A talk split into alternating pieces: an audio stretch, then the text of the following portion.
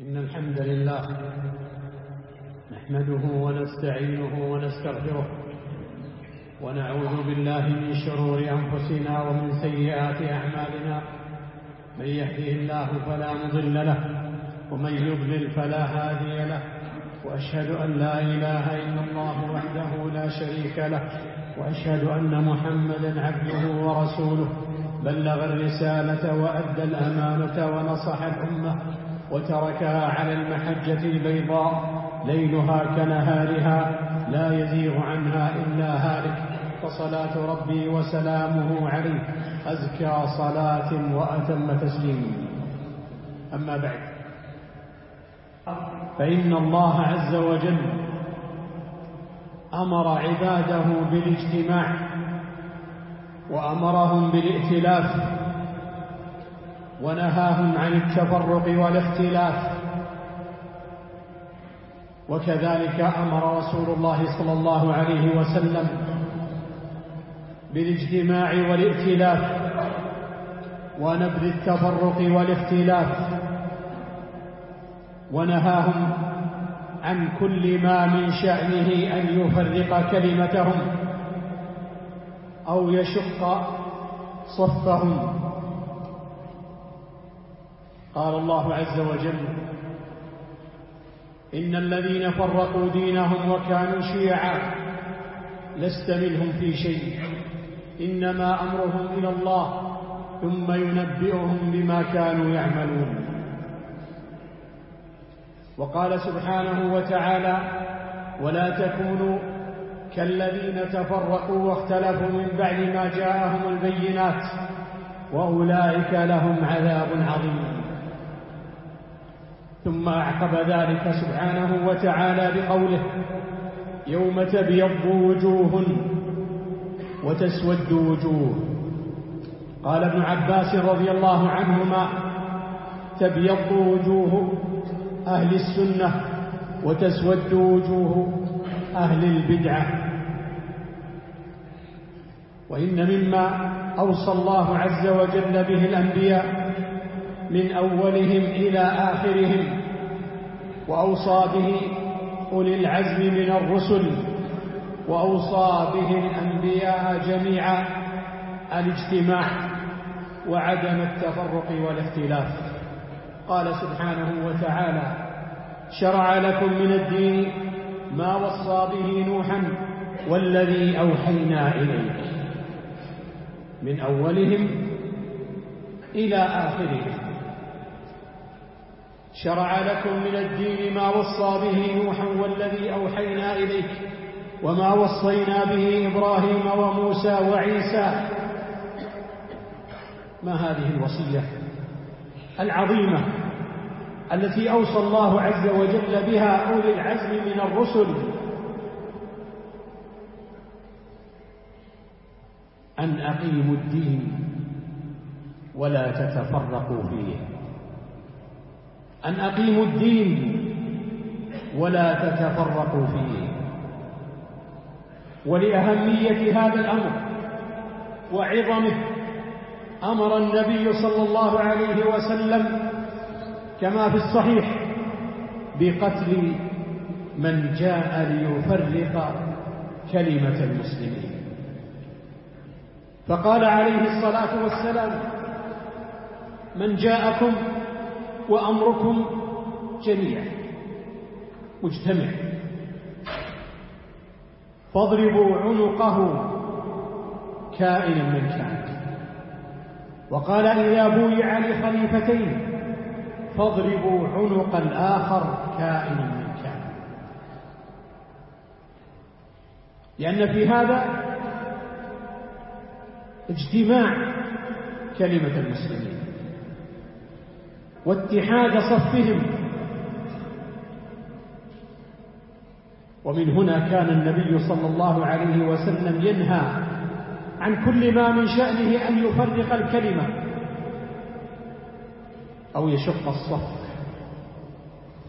فنهى النبي صلى الله عليه وسلم عن بيع المسلم على بيع أخيه وعلى خطبة المسلم على خطبة أخيه. وعن النجش وهو أن يزيد في السلعة وهو لا يريد أن يشتري. ثم ختم ذلك بقوله وكونوا عباد الله إخوانا. ونهى النبي صلى الله عليه وسلم عن التفرق بالأبدان وأن يولي كل واحد من المسلمين أخاه دبره فقال لا تهاجروا ولا تقاطعوا ولا تباغضوا ولا تدابروا وكونوا عباد الله إخوانا. والتفرق بالأجساد سبيل إلى تفرق القلوب وإلى تنافرها. ولذلك كان النبي صلى الله عليه وسلم إذا نزل منزلا في سفر تفرق أصحابه تحت الشجر. يتفرقون طلبا للظل. فقال النبي صلى الله عليه وسلم لأصحابه إن تفرقكم هذا من الشيطان. وهو تفرق بلا تباغض ولا تحاسد ولا تحزبات ولا تجمعات ولا ولاءات. وإنما هو تفرق لطلب الظل والشجر. فقال إن تفرقكم هذا من الشيطان. فكان النبي صلى الله عليه وسلم بعد ذلك إذا نزل منزلا اجتمعوا حتى لو بسط عليهم رداء لوسعهم. لو غطيتهم برداء أو بصار كفاهم. كناية عن شدة اجتماعهم. وفي هذا الحديث الصحيح سرعة استجابة أصحاب النبي صلى الله عليه وسلم لأمره ولعدم مخالفته عليه الصلاة والسلام. لأن المخالفة شؤم ومعصية. والاعتراض نقص في الإيمان. روى البخاري ومسلم أن الزبير رضي الله عنه كان له مزرعة في المدينة وله جار في مزرعته. فاختصموا في سقي الماء الذي يأتيهم من بقايا المطر. فاختصموا إلى رسول الله صلى الله عليه وسلم. فقال النبي صلى الله عليه وسلم أسقي يا زبير ثم أرسل الماء إلى جارك. وهذا منه عليه الصلاة والسلام إرشاد وتوجيه وصلح وإصلاح. لجمع الكلمة. فقال الرجل الآخر يا رسول الله أن كان ابن عمتك أي لأجل أنه ابن عمتك قلت هذا؟ فقال النبي صلى الله عليه وسلم أسق يا زبير حتى يبلغ الجد ثم أرسل الماء إلى جارك. أعطاه حقه وافيا لما اعترض الآخر. فنزل قول الله عز وجل فلا وربك لا يؤمنون حتى يحكموك فيما شجر بينهم ثم لا يجدوا في أنفسهم حرجا مما قضيت ويسلموا تسليما. ويسلموا تسليما. أي لا يرون أن لهم رأيا مع رأي رسول الله صلى الله عليه وسلم. ولا يرون أن لهم حكما مع حكم الله ورسوله صلى الله عليه وسلم. فاتقوا الله عباد الله. وإن من الناس من اخترعوا تجمعات وتحزبات وجماعات تعقد عليها الولاءات يحب من أجلها ويعادى من أجلها وما هكذا كان أصحاب النبي صلى الله عليه وسلم. فقد جاء في صفتهم أنهم ما كانوا متحزقين أي متجمعين بحيث أن هذا أوسي وهذا خزرجي وهذا مهاجري. بل هم يد واحدة رضي الله عنهم. وهكذا كان سلف الأمة. لا يعرف لهم تسميات ولا يعرفون هذه الولاءات إلا لله ولرسوله وللمؤمنين.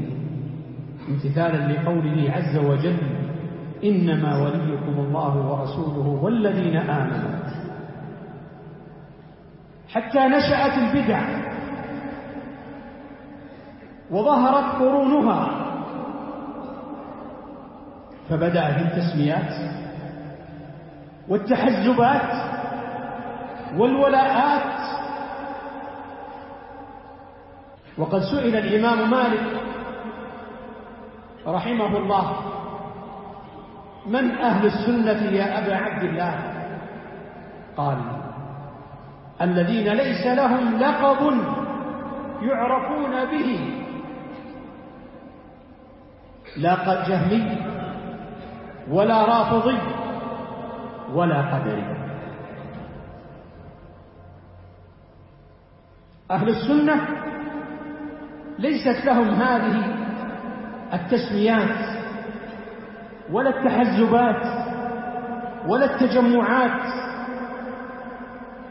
ولا تلك الولاءات على الجماعات ولا على القبيلة.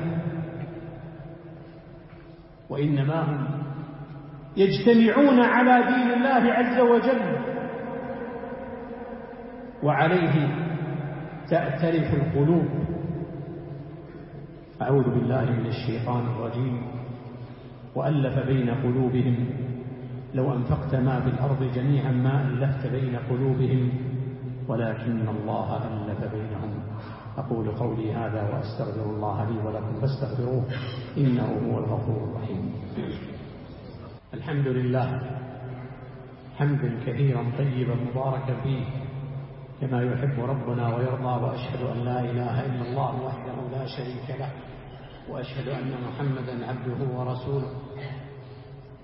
يا أيها الذين آمنوا اتقوا الله حق تقاته ولا تموتن إلا وأنتم مسلمون.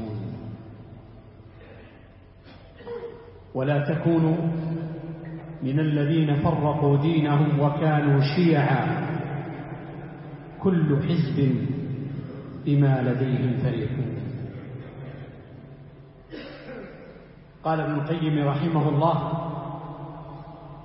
وقد سئل بعض الأئمة عن السنة فقال ما لا اسم له سوى السنة. يعني أن أهل السنة ليس لهم اسم ينسبون إليه سواها. فمن الناس من يتقيد بلباس لا يلبس غيره أو بالجلوس في مكان لا يجلس فيه غيره أو مشية لا يمشي غيرها أو بزي اللباس أو بزي وهيئة لا يخرج عنهما أو عبادة معينة لا يتعبد بغيرها وإن كانت أعلى منها أي العبادة التي تركها. أو شيخ معين لا يلتفت إلى غيره وإن كان الملتفت عنه أقرب إلى الله ورسوله منه. فهؤلاء هذا تتمة كلام ابن القيم رحمه الله. فهؤلاء محجوبون عن الظفر بالمطلوب الأعلى مصدودون عنه قد قيدتهم العوائد والرسوم والأوضاع والاصطلاحات قيدتهم عن تجريد المتابعة للرسول صلى الله عليه وسلم فأضحوا عنها بمعزل ومنزلتهم منها أبعد منزل. انتهى كلامه رحمه الله. لما وعظ النبي صلى الله عليه وسلم أصحابه في آخر حياته قالوا يا رسول الله كأنها موعظة مودع فأوصنا. فأوصاهم أن يتمسكوا بالسنة وأن يعضوا عليها بالنواجذ بالأضراس كناية عن شدة التمسك بالسنة. قال فإنه من يعش منكم فسيرى اختلافا كثيرا. فعليكم بسنتي وسنة الخلفاء الراشدين المهديين من بعد عضوا عليها بالنواجذ. ولما ذكر النبي صلى الله عليه وسلم افتراق الأمم وأن هذه الأمة ستفترق إلى ثلاث وسبعين فرقة كلها في النار إلا واحدة. قالوا يا رسول الله من هم؟ كل الفرق التي تفترق في النار إلا واحدة. ما صفة هذه الواحدة يا رسول الله؟ قال من كان على مثل ما أنا عليه وأصحابي. رواه الترمذي وغيره وهو حديث صحيح. الذي ينجو هو من كان على ما كان عليه النبي صلى الله عليه وسلم وما كان عليه أصحابه رضي الله عنهم. لا ولاءات ولا تحزبات ولا جماعات ولا انتماءات التي تفرق ولا تجمع. قال الإمام مالك رحمه الله السنة مثل سفينة نوح. من ركب فيها نجا ومن تخلف عنها غرق. فاستمسكوا عباد الله بسنة رسول الله صلى الله عليه وسلم ودعوا ما سوى ذلك. اللهم أصلح الراعي والرعية. اللهم أصلح أئمتنا وولاة أمورنا. اللهم اجعل ولايتنا وولاية المسلمين في من خافك خافك واتقاك واتبع رضاك يا رب العالمين. اللهم فرج هم المهمومين ونفس كرب المكروبين واقض الدين عن المدينين. اللهم اشف مرضانا وعاف مبتلانا وارحم موتانا. اللهم صل وسلم وزد وبارك وأنعم على عبدك ورسولك نبينا محمد. إن الحمد لله